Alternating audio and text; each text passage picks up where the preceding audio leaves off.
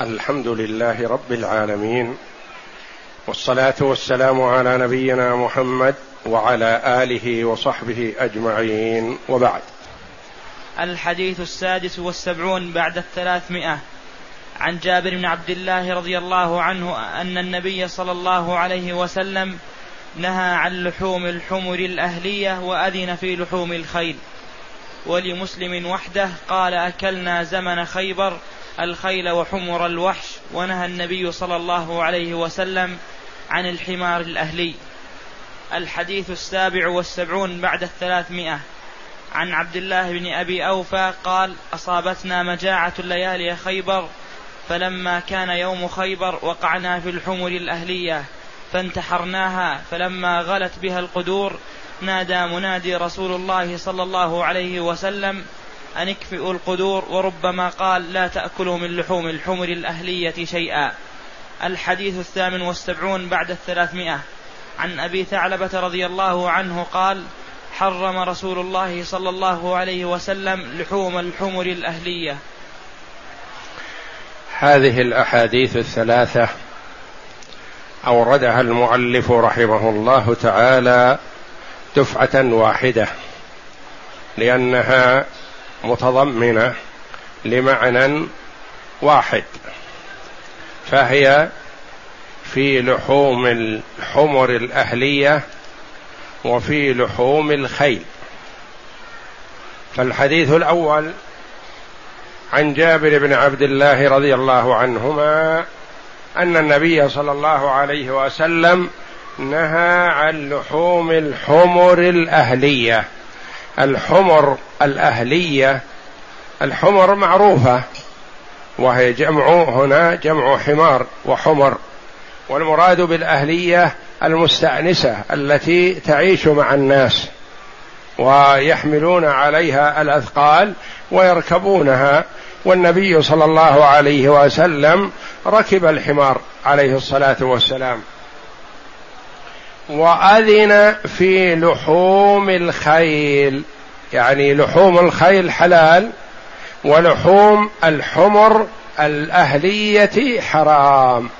لأنه جاء في حديث آخر أنها رجس. ولمسلم وحده يعني رواية أخرى عند مسلم الأول في الصحيحين عند البخاري ومسلم.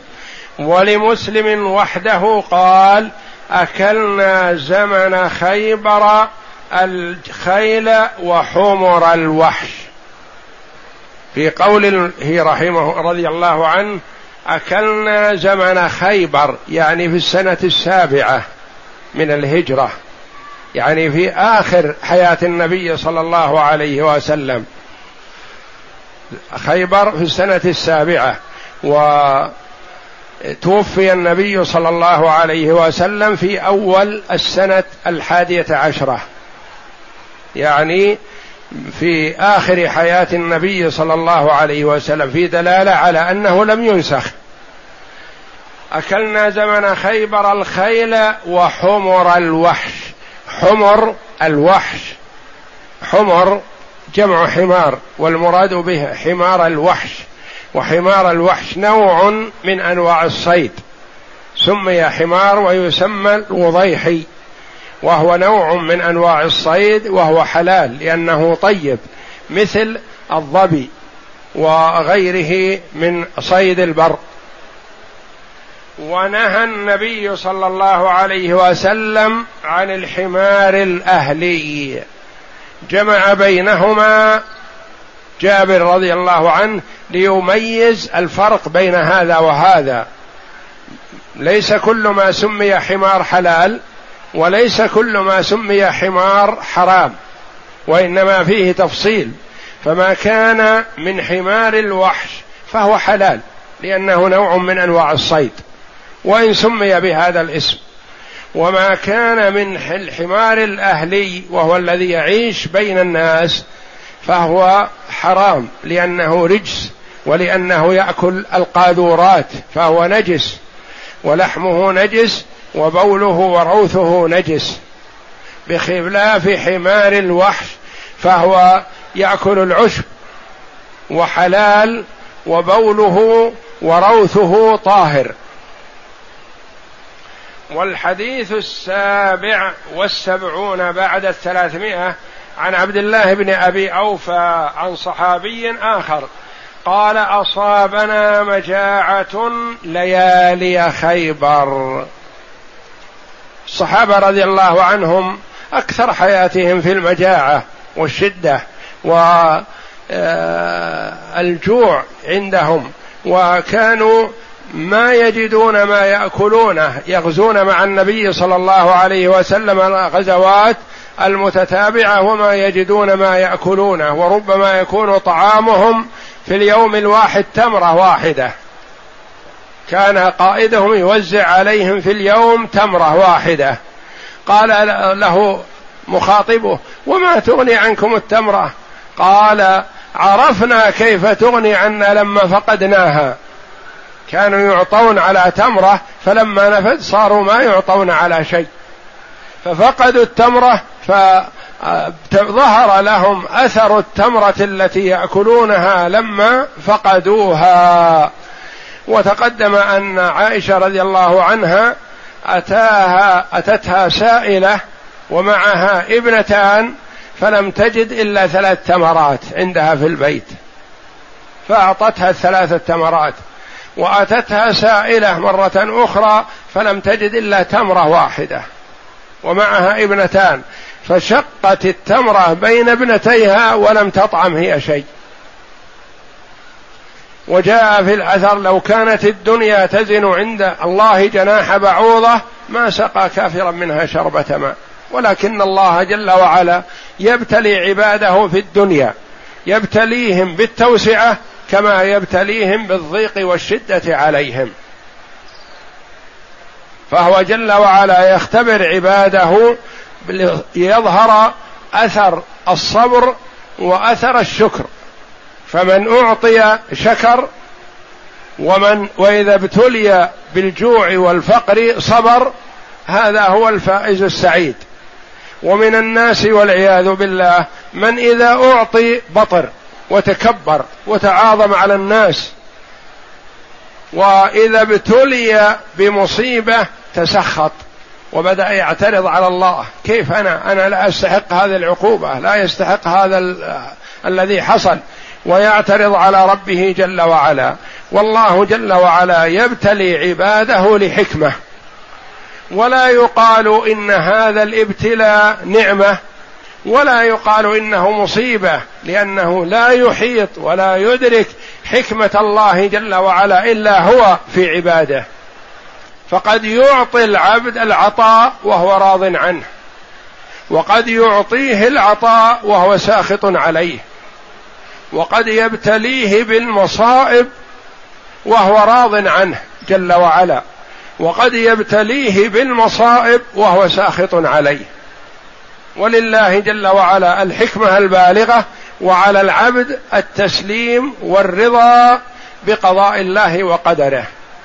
وحمد الله جل وعلا وشكره عند النعم.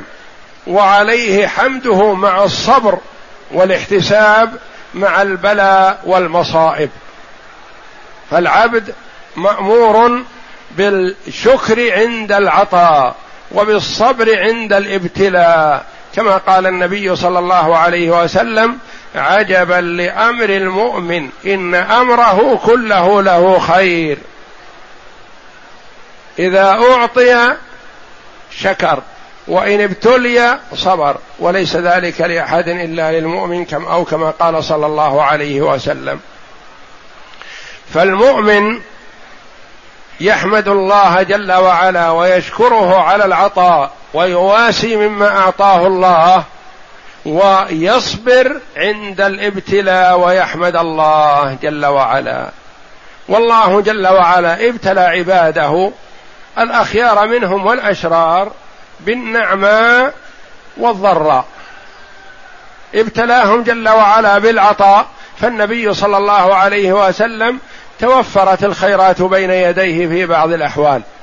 وأعطى رجلا جمع غنما بين جبلين. ما يحصيها عد. وأعطى رجلا مئة من الإبل. ثم استزاد فأعطاه مئة ثانية. ثم استزاد فأعطاه مئة ثالثة. أعطى رجل واحد ثلاثمائة من الإبل.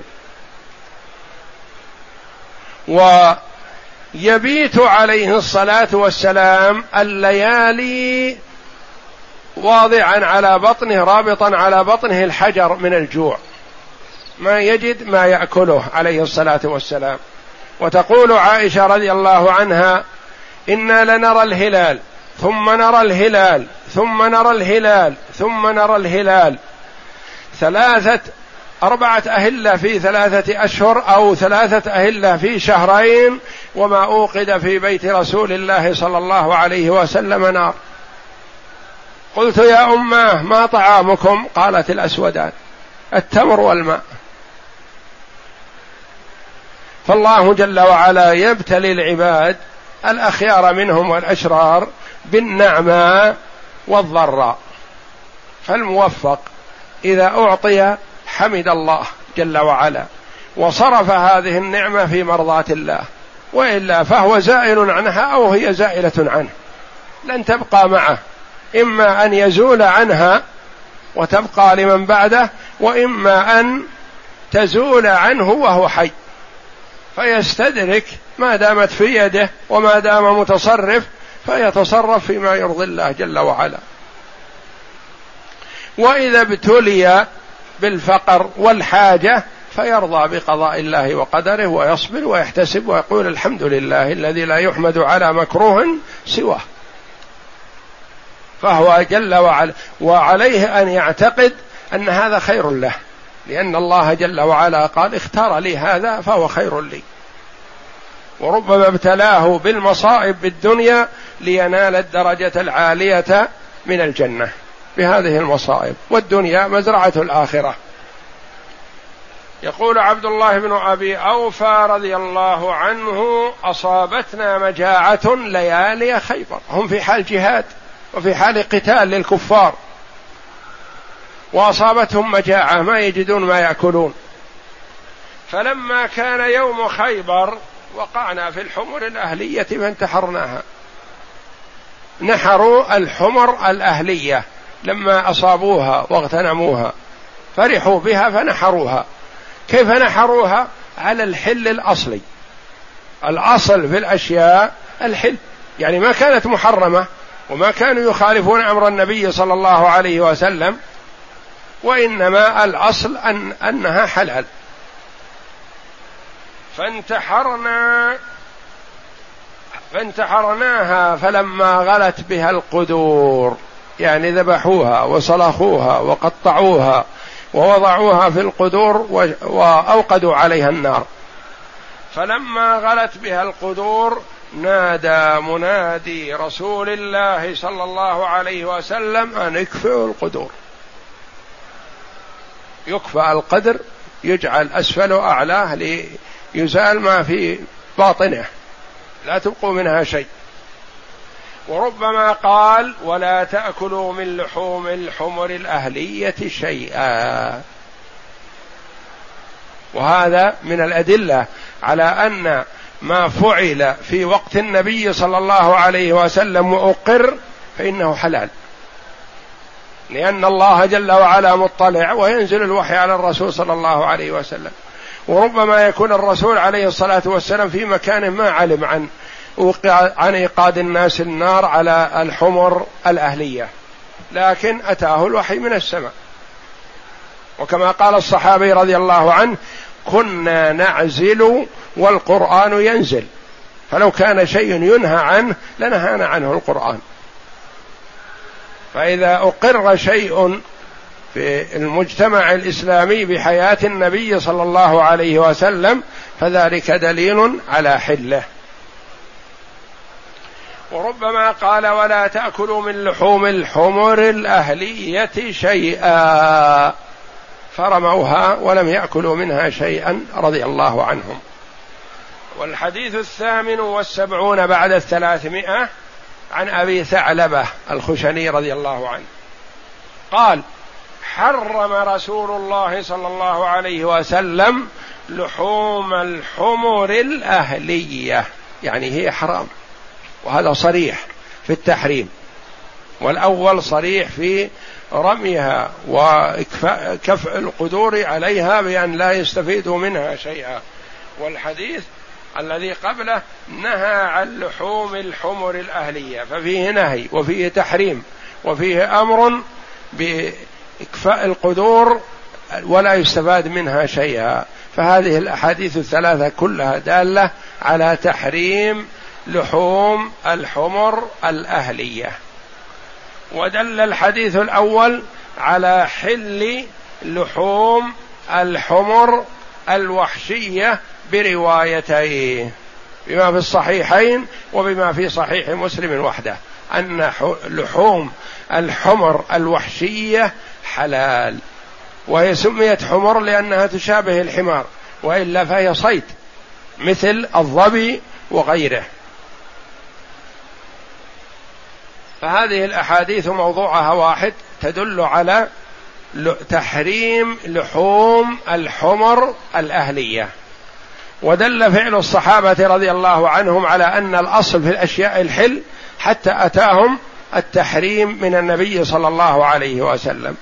ودل كذلك الحديث دلت هذه الأحاديث على تحليل لحوم الخيل وأنها أكلت متى؟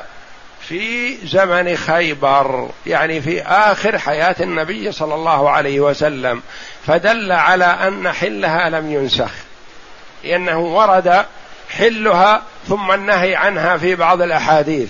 قالوا النهي عنها لئلا تضر بالجهاد لئلا يعثر الناس يعثر الناس فيها ويأكلوها فما يبقى شيء يجاهد عليه. ولهذا استمر الكراهة عند بعض العلماء رحمهم الله كراهة أكل لحوم الخيل قالوا لئلا يقع الناس فيها فلا يجدون ما يجاهدون عليه. وللعلماء رحمهم الله في لحوم الخيل ثلاثة أقوال. قول بالحل وهذا هو الصحيح وهو الذي دل عليه هذه الأحاديث وقول بالتحريم وهو ضعيف لأن أحاديث الحل صريحة ومن قال بالتحريم أخذ بعمومات ولم يأخذ بتحريم صريح. قول ثالث بالكراهة دون التحريم يعني ما هي محرمة وإنما هي مكروهة كراهة. والمكروه معروف أنه يثاب تاركه ولا يعاقب فاعله. يعني آكل لحوم الخيل لا يعاقب على رأيهم ولا يقال أنه حرام. ولو تركها فإنه يؤجر على تركها عندهم. والصحيح أنها حلال لأن الأحاديث صريحة وأحاديث متأخرة وأحاديث في الصحيحين فالحل هو الظاهر. والله أعلم. اقرأ. غريب الحديث. الحمر الأهلية بضم الحاء والميم نسبت إلى الأهل لكونها مستأنسة مع الناس. يعني أهلية لأنها كونها تعيش مع الناس معهم في بيوتهم بخلاف الحمر الوحشية فهي تنفر من الناس. نعم. حمر الوحش. سميت وحشا لكونها متوحشة مبتعدة عن الناس وهي صيد وفيه من صفات الحمار الأهلي إلا أن إلا أنه أقل منه منه خلقة ويسمى الآن الوضيحة. ثلاثة اكفؤ القدور بهمزة القطع من أكفأ الرباعي وبعضهم رواه بهم رواه بهمزة الوصل من كفاءة الثلاثي ومعناه القلب. ما يستفاد من هذه الأحاديث شرحنا في هذا الحديث جميعها جميعا لكونها متفقة المعاني وهي الأول النهي عن لحوم. هذه الأحاديث الثلاثة كلها فيها النهي عن لحوم الحمر الأهلية. نعم. النهي عن لحوم الحمر الأهلية وتحريم أكلها. قال ابن عبد البر لا خلاف بين أهل العلم اليوم في تحريمها وكانت قبل تحريمها. وهذا لا يعلم فيه خلاف. يعني ما نقل خلاف من بعض العلماء بحل لحوم الحمر الأهلية لأن الأحاديث في تحريمها صريحة وجاء في بعضها أنها رجس. نعم. وما يحرم في الإسلام شيء إلا لمضرته لأنها ضارة ولأن الحمار الأهلي يأكل القاذورات فيكون لحمه خبيث. نعم. وكانت قبل تحريمها والأمر بإراقتها من القدور باقية على أصل الحل. الثاني أن العلة في تحريمها كونها رجس نجسة مستخبثة. وقد جاء في الحديث فإنها رجس فيكون بولها وروثها ودمها نجسا. يعني كلها نجسة. نعم. الثالث حل لحوم الخيل لأنها مستطابة طيبة. ويأتي إن شاء الله ذكر من خالف في حلها. الرابع حل لحوم الحمر الوحشية لأنها من الصيد الطيب وهي من الوضيحي الوضيحيات. نعم. اختلاف العلماء. ذهب أبو حنيفة ومالك وفي بعض أقوالهما إلى تحريم لحوم الخيل وفي بعضها الآخر إلى الكراهة. قالوا بالتحريم وقالوا بالكراهة. رحمة الله عليهما. نعم. وذهب بعض بعض أصحابه إلى التحريم وبعضهم إلى الكراهة واستدلوا على ذلك بما يأتي. استدلوا على التحريم والكراهة بماذا؟ يعني ما يقبل القول من عند الإنسان نفسه وإنما يستدل. مما استدلوا به نعم. الأول قوله تعالى والخيل والبغال والحمير لتركبوها وزينة هذه الآية في سورة النحل. قالوا قول الله جل وعلا والخيل والبغال والحمير لتركبوها وزينة. قالوا لو كانت حل أكلها لقال مثلا لتأكلوها وإنما وقرنها مع الخيل والبغال مع الحمير والبغال مع الحمر والبغال دليل على التحريم. نقول لا قد تذكر الأشياء مع بعض منها الحلال ومنها الحرام. نعم. وثانيا أن هذه الآية من سورة النحل وسورة النحل مكية وتحريم لحوم الحمر الأهلية وحل لحوم الحمر لحوم الخيل. كان في خيبر وفي المكي قبل هجرة النبي صلى الله عليه وسلم إلى المدينة. وخيبر كانت في السنة السابعة. يعني الأحاديث هذه بعد الآية بأكثر من سبع سنوات. نعم. ووجه الدلالة من الآية أنها قرنت مع البغال والحمير وهي محرمة. وأيضا فإن اللام في, قول في قوله لتركبوها للتعليل. فدل على أنها لم تخلق لغير ذلك لأن العلة المنصوص عليها تفيد الحصر. فحل أكلها يقتضي خلاف الظاهر من الآية. وأيضا فإن الآية سيقت مساق الامتنان فلو كان ينتفع بها في الأكل لكان الامتنان به أعظم. الثاني ما رواه الطحاوي وابن حزم عن جابر قال نهى رسول الله صلى الله عليه وسلم عن لحوم الخيل والبغال. وما رواه أصحاب السنن عن خالد بن الوليد أن النبي صلى الله عليه وسلم نهى يوم خيبر عن لحوم الخيل. الثالث وهذان الحديثان فيهما مطعن كبير لا لا يقبلان ولا يناهضان أو يكونان في وجه حديثين أحاديث متعددة في الصحيحين. وقول آه، أصحاب السنن ما رواه أصحاب السنن عن خالد بن الوليد أن النبي صلى الله عليه وسلم نهى يوم خيبر عن لحوم الخيل. خالد رضي الله عنه ما أسلم يوم خيبر. يوم خيبر كان مع المشركين. فما كان فالحديث آه، مضطرب وغير مقبول. نعم. الثالث ما بين الخيل والحمير هذه الأدلة التي استدل بها الإمامان أبو حنيفة ومالك. نعم. الثالث ما بين الخيل والحمير من شبه قوي يوجب إلحاق الخيل بالحمير. قالوا الخيل والحمار متشابهان. ما دام الحمار محرم فالخيل محرم. نعم. وذهب الشافعي وأحمد والليث وحماد وأبو ثور إلى حلها وروي عن ابن الزبير والحسن وابن سيرين وعطاء والأسود وابن المبارك واحتجوا بالأحاديث والآثار المتواترة بحلها فهي داحضة لكل حجة رادة لكل دليل. واستدلوا بأنه عمل الصحابة جميعا فقد نقل, نقل الحل بعض التابعين عن الصحابة من غير استثناء أحد.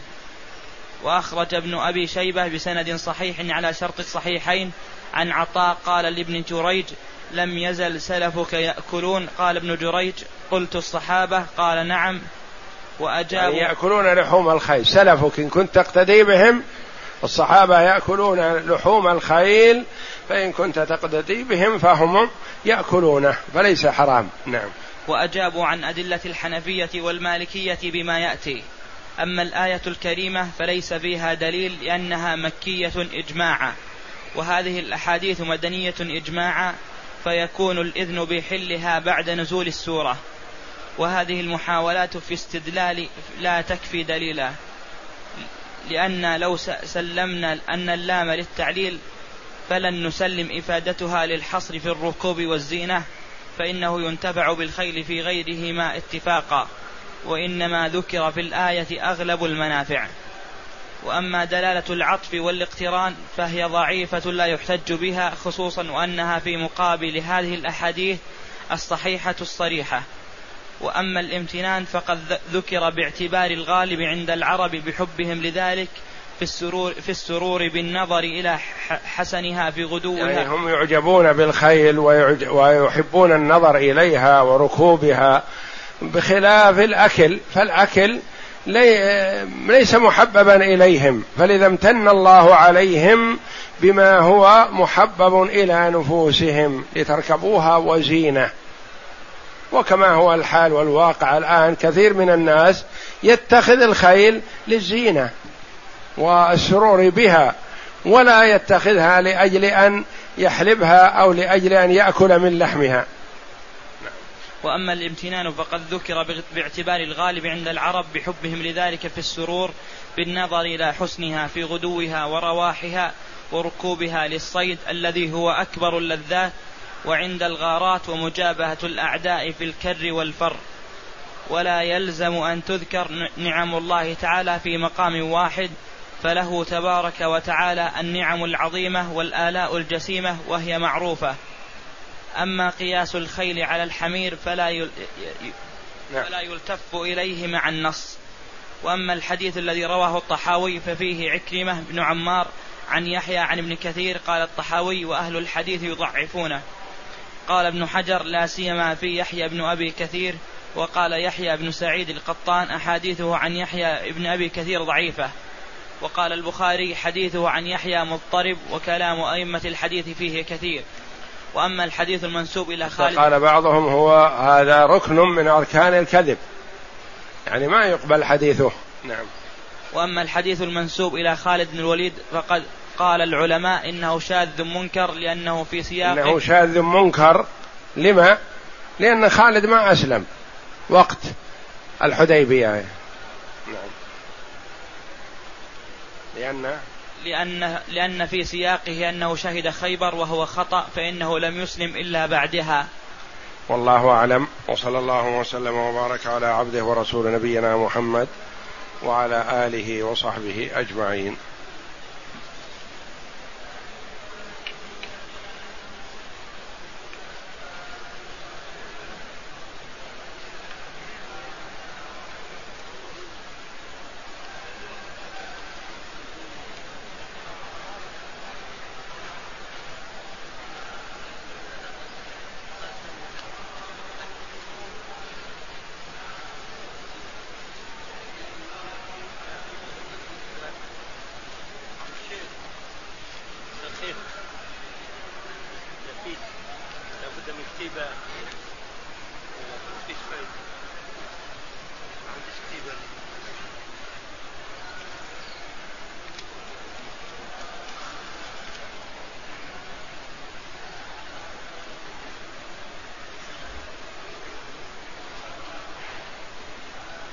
يقول السائل وهل ينسخ القرآن بالحديث؟ هذا محل خلاف بين العلماء رحمهم الله هل ينسخ القرآن بالحديث؟ ولكن القرآن الحديث يخصص ويبين ويفسر القرآن.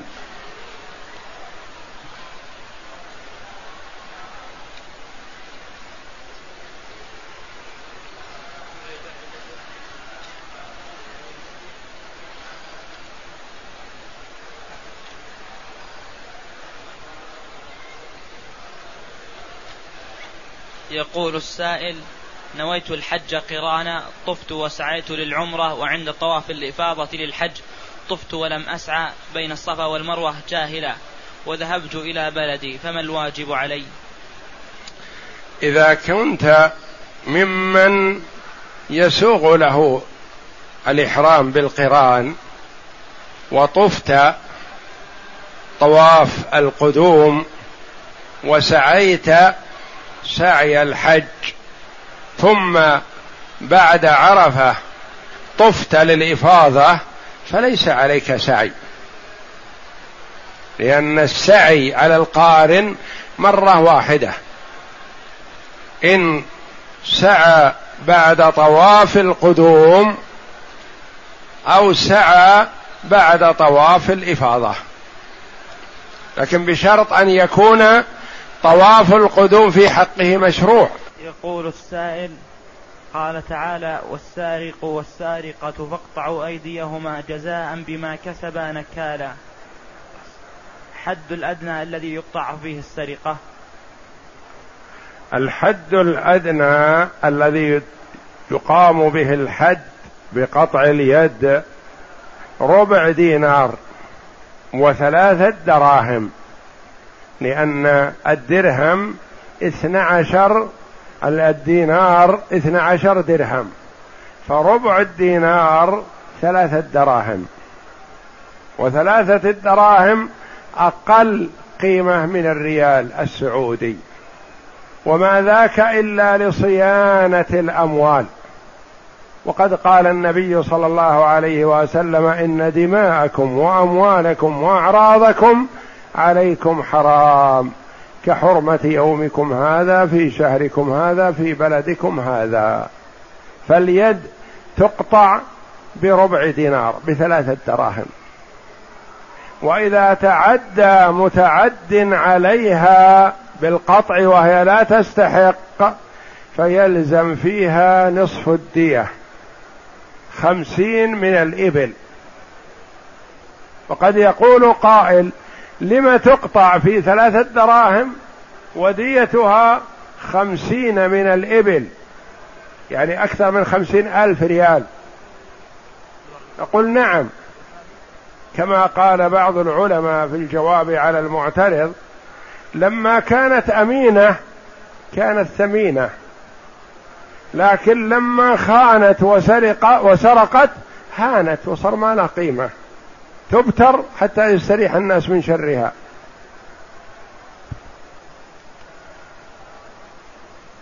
يقول السائل متى يقطع يد السارق اليمنى ورجله؟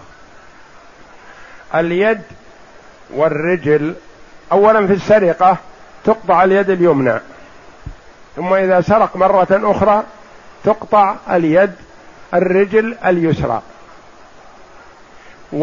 وقطعهما معا في قطاع الطريق في المحاربة في المحاربين قاطع الطريق. إذا أخذوا المال تقطع أيديهم وأرجلهم من خلاف كما قال الله جل وعلا. يعني اليد اليمنى والرجل اليسرى يؤخذان معا يقطعان معا.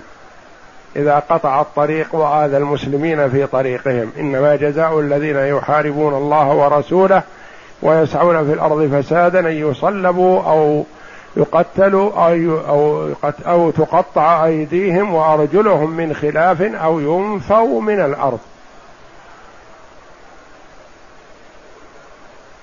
يقول السائل ما هي صلاة التسابيح؟ هل الحديث صحيح أم لا؟ وهل أصليها؟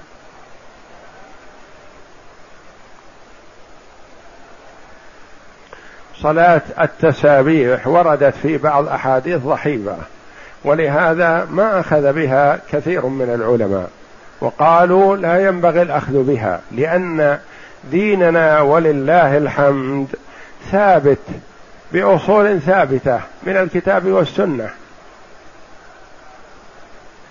ما نأخذ ديننا بأشياء ضعيفة وإنما هي بأشياء ثابتة قوية. صحيحة. فصلاة التسابيح ما وردت في أحاديث صحيحة يعتمد عليها. وفي النوافل الثابتة عن النبي صلى الله عليه وسلم غنية لمن وفقه الله. في السنن الرواتب والوتر وصلاة الضحى والنوافل المطلقة وقيام الليل وغير ذلك من الصلوات الثابتة بالأحاديث الصحيحة فيها غنية لمن وفقه الله.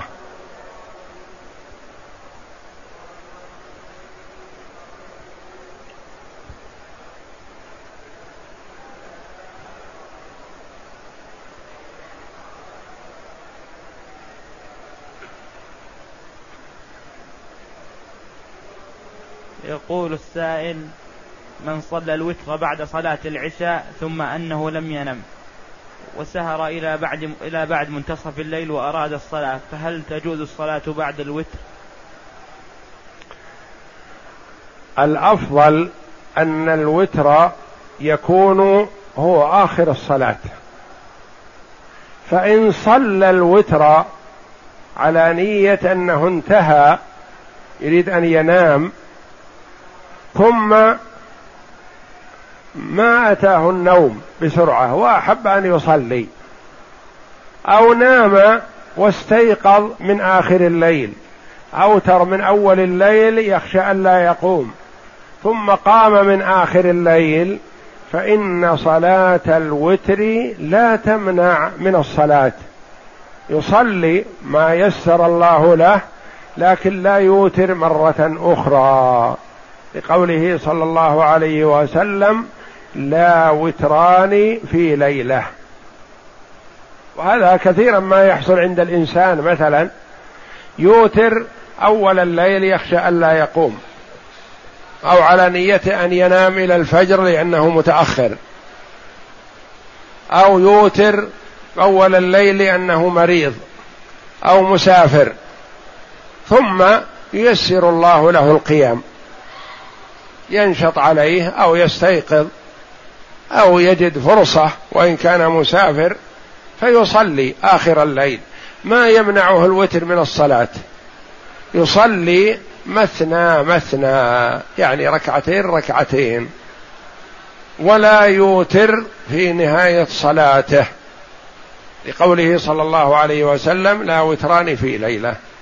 اذا الأفضل لمن وثق من نفسه القيام أن يجعل وتره آخر الليل. ومن خشي ألا يقوم فليوتر من أول الليل. فإن أوتر من أول الليل وقام من آخره وأحب أن يصلي فيصلي مثنى مثنى بلا وتر.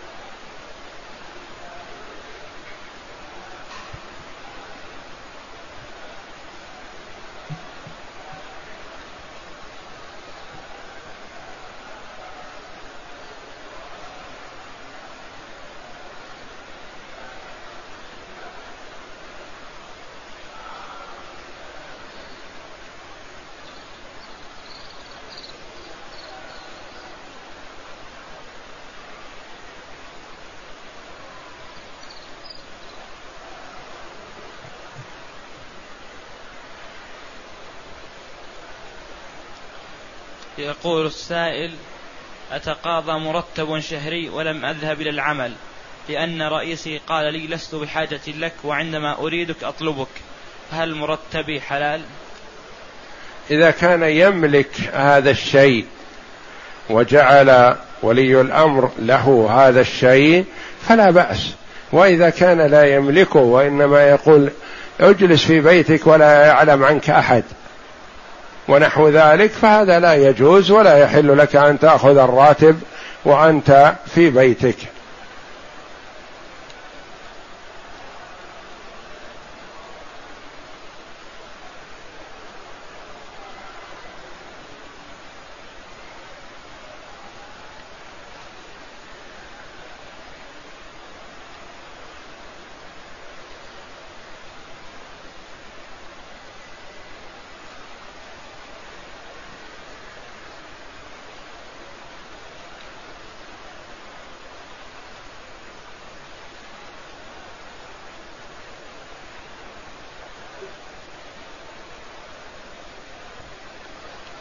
يقول السائل هل يجوز أكل اللحوم والدجاج التي تأتي من خارج البلاد ومكتوب عليها ذبح على الطريقة الإسلامية؟ علما بأن الكثير يؤكد أن البلاد التي تأتي منها لا يذبحون ونحن في شك.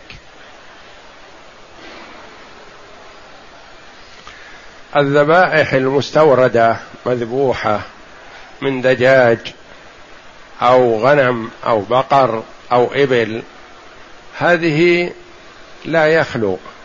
إن كانت جاءت من بلاد إسلامية فهي حلال الأصل فيها الحل.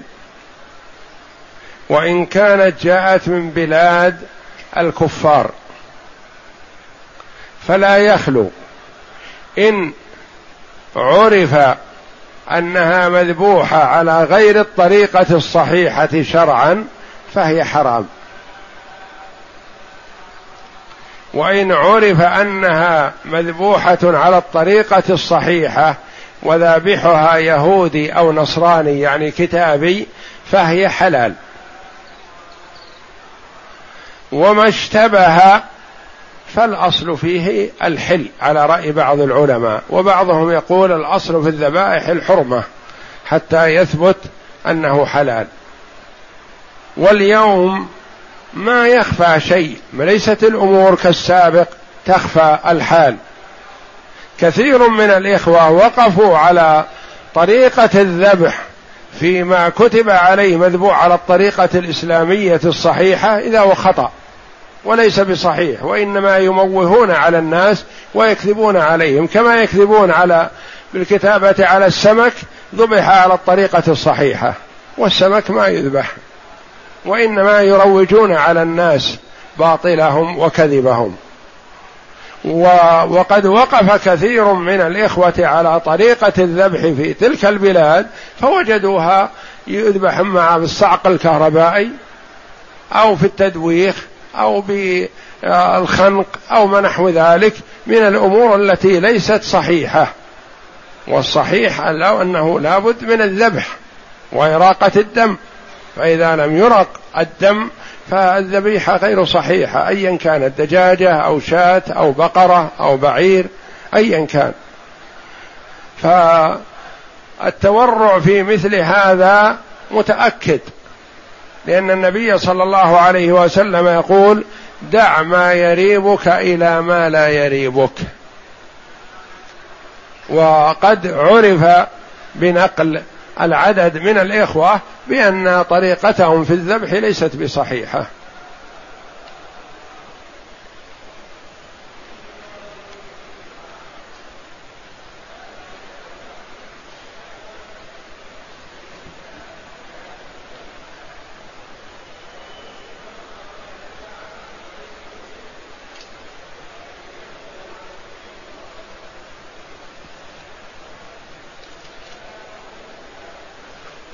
يقول السائل هل يجوز تقبيل الحجر الأسود في غير الطواف؟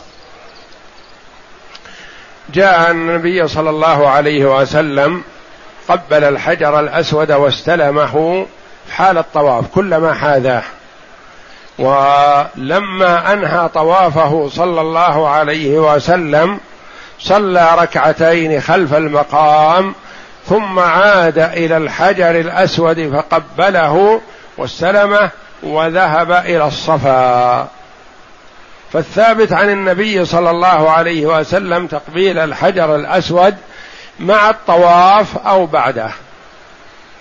ولم ينقل فيما أعلم أن الرسول صلى الله عليه وسلم أتى إلى الحجر الأسود فقبله ولم يكن طواف قبله ولا بعده. وعمل بعض الإخوة هداهم الله حينما يتسارعون إلى تقبيل الحجر الأسود قبل إتمام الإمام. السلام من الفريضة خطأ وجهل منهم وتلاعب من الشيطان بهم ليبطل عليهم صلاتهم لأن من قام قبل أن يسلم الإمام ما صحت صلاته. وصلاة الفريضة واجبة ركن من أركان الإسلام. وإذا لم يؤدها فهو خاسر. وتقبيل الحجر الأسود سنة. قبلته حسن. ما قبلته إذا لم يتيسر لك أو تيسر لك لكن ما أحببت أن تزاحم فلعلك تكون مأجور أكثر.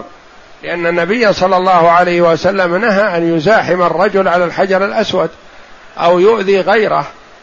وبعض الناس يؤذي الآخرين إن كان نشيط وإن كان ضعيف تحمل الأذى الشديد لأجل يقبل الحجر الأسود وهذا خطأ. وبعض النساء تزاحم عليه وربما تكشفت وظهرت عورتها لأجل أن تقبل الحجر الأسود. ومزاحمة الرجال حرام عليها وكشف شيء من عورتها حرام عليها. وتقبيل الحجر الأسود بالنسبة للناس عامة سنة. فهو في هذه الحال إذا كان يترتب عليه انكشاف العورة أو مزاحمة الرجال فلا يحل ولا يجوز. لا يجوز للمرء أن ينتهك الحرام من أجل أن يأتي بسنة. بالله عليك مثلا لو جاء الرجل ليسلم على أخيه المسلم وخبطه على وجهه وقال السلام عليك. يصلح؟ ما يصلح. الخبطة والضرب بالوجه هذا حرام. والسلام سنة. فما يليق بالمرأة ولا بالرجل الضعيف ولا القوي. النبي صلى الله عليه وسلم نهى عمر وهو الرجل القوي رضي الله عنه والوقاف عند حدود الله. قال إن وجدت فرجة فقبل وإلا فلا تؤذي الناس. إنك رجل قوي. فما يجوز للرجل أن أن يقبل الحجر الأسود وينتهك الحرام. ولا يجوز له أن يبطل صلاته ليقبل الحجر الأسود. ما ورد هذا. وعلينا أن نتبع ونحذر البدعة. يعني تسابق الناس هنا بعدما يقول الإمام السلام قبل أن يكمل السلام. يفزع لتقبيل الحجر الأسود هذا ما له اصل ولا ما ورد. يعني تقبيله بعد الصلاة ما ورد. وإنما قد يكون هذا تلاعب من الشيطان ببعض الناس. أدرك منهم هذا الشيء ففرح به وحرضهم عليه. فينبغي لنا أن نتنبه لهذا وان ننبه إخواننا لا يبطل المرء صلاته التي هي فريضة وركن من أركان الإسلام من أجل أن يأتي بسنة.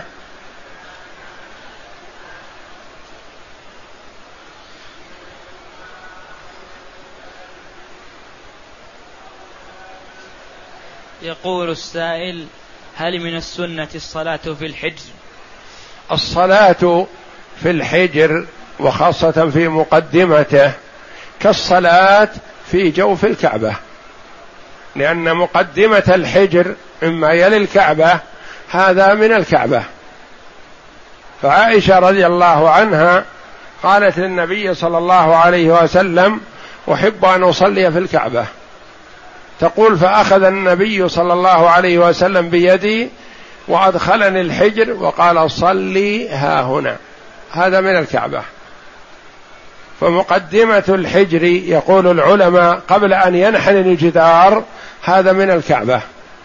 وبعد انحناء الجدار مؤخرته ليست من الكعبة.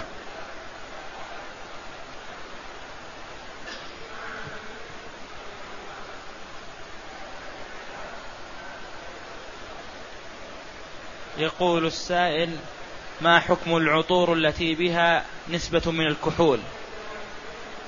العطور التي فيها كحول للعلماء رحمهم الله فيها قولان على اختلافهم في طهارة عين الخمر. العلماء رحمهم الله لهم قولان في الخمر. الخمر لا شك أنه حرام وهذا محل إجماع. وهو محرم بالكتاب والسنة وإجماع المسلمين. لكن إذا مس الثوب هل هو نجس؟ أو مس البدن هل هو نجس؟ هذا محل خلاف. بعض العلماء يقول نعم ما دام أنه رجس فهو نجس. فعلى هذا ما يجوز التطيب بالعطور التي فيها مواد آه، كحولية يستعملها الفساق بدل الخمر. القول الآخر أن الخمر ليست بنجسة يعني لو أصابت الثوب أو البدن ما يلزم غسله لأنها ليست نجسة العين وإنما هي محرمة الشرب والاستعمال. فعلى هذا يصح التطيب بالطيب هذا الذي فيه الكحول. والحذر من هذا والبعد خير. والنبي صلى الله عليه وسلم يقول دع ما يريبك إلى ما لا يريبك. من اتقى الشبهات استبرأ لدينه وعرضه ومن وقع في الشبهات وقع في الحرام. يقول السائل أحب أن أستيقظ قبل الفجر لقيام الليل فهل أصلي الوتر قبل أن أنام أم قبل الفجر؟ لا شك أن صلاة الوتر آخر الليل أفضل لكن ينظر في حال الشخص. إن كان يثق من نفسه القيام فالوتر آخر الليل أفضل لأنه فعل النبي صلى الله عليه وسلم. غالب غالب فعله وإلا فقد أوتر أول الليل وأوسطه وآخره وانتهى وتره إلى السحر كما تقول عائشة رضي الله عنها. وإن كان لا يثق من نفسه القيام أحيانا يقوم واحيانا ما يقوم أحيانا يغلبه النوم فالأفضل في حقه أن يوتر قبل أن ينام لأن النبي صلى الله عليه وسلم أوصى أبا هريرة رضي الله عنه بأن يوتر قبل أن ينام لأن أبا هريرة رضي الله عنه كان يتأخر في النوم يستحضر حديث النبي صلى الله عليه وسلم الذي سمعه منه في النهار يكرره ويحفظه. فيتأخر في النوم فأمره النبي صلى الله عليه وسلم أن يوتر قبل أن ينام. فمن لا يثق من نفسه القيام أحيانا يقوم وأحيانا لا يقوم نقول أوتر أول الليل. يقول أوترت أول الليل ثم يسر الله لي وقمت. نقول صل. ما تمتنع عن الصلاة لأنك أوترت وإنما تصلي بلا وتر يكفيك الوتر الأول.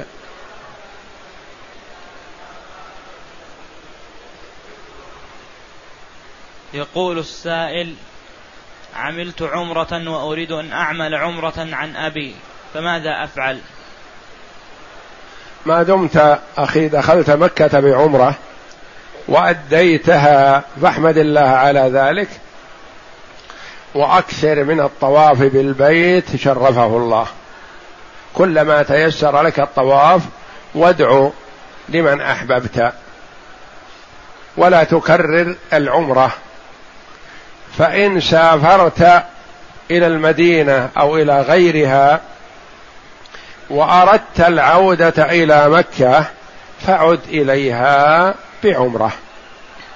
فلذا نقول لمن كان في مكة وأتى بعمرة لا تخرج للإتيان بعمرة أخرى.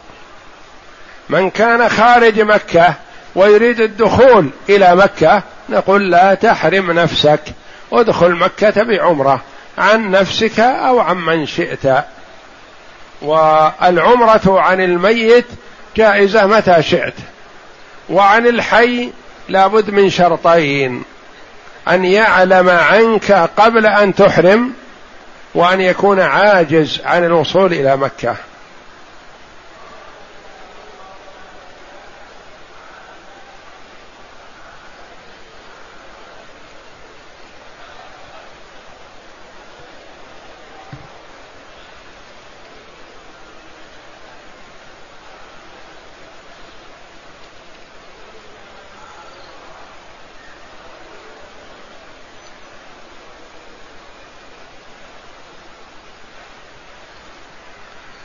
يقول طاف طواف العمرة وسعى وطاف طواف العمرة وصلى ركعتين ثم خرج إلى منزله ثم عاد إلى السعي بعد هذا هل يؤثر على عمرته؟ الجواب لا لا يؤثر هذا إلا أنه يستحب الموالاة بين الطواف والسعي استحبابا لا وجوبا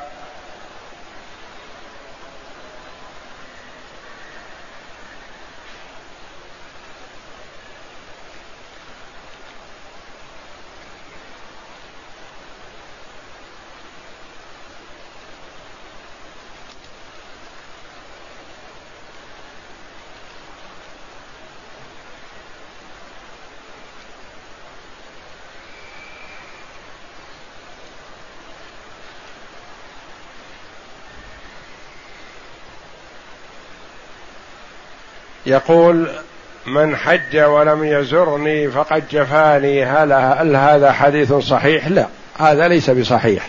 نبه عليه العلماء رحمهم الله. ولا تلازم بين الحج وزيارة المسجد النبوي. يجوز للمرء أن يأتي من أي مكان لزيارة المسجد النبوي ويؤجر على هذا. ويجوز له أن يأتي للحج ولا يزور المسجد النبوي. فزيارة المسجد النبوي سنة في أي وقت. والحج في, في وقته المخصوص. والعمرة تجوز في سائر أيام السنة. ولا تلازم بين الحج والعمرة والزيارة. يأتي بالزيارة فقط ويعود. يأتي للعمرة فقط ويعود. يأتي للحج فقط ويعود ولا حرج عليه في هذا. والله أعلم. وصلى الله وسلم وبارك على عبده ورسول نبينا محمد وعلى آله وصحبه أجمعين.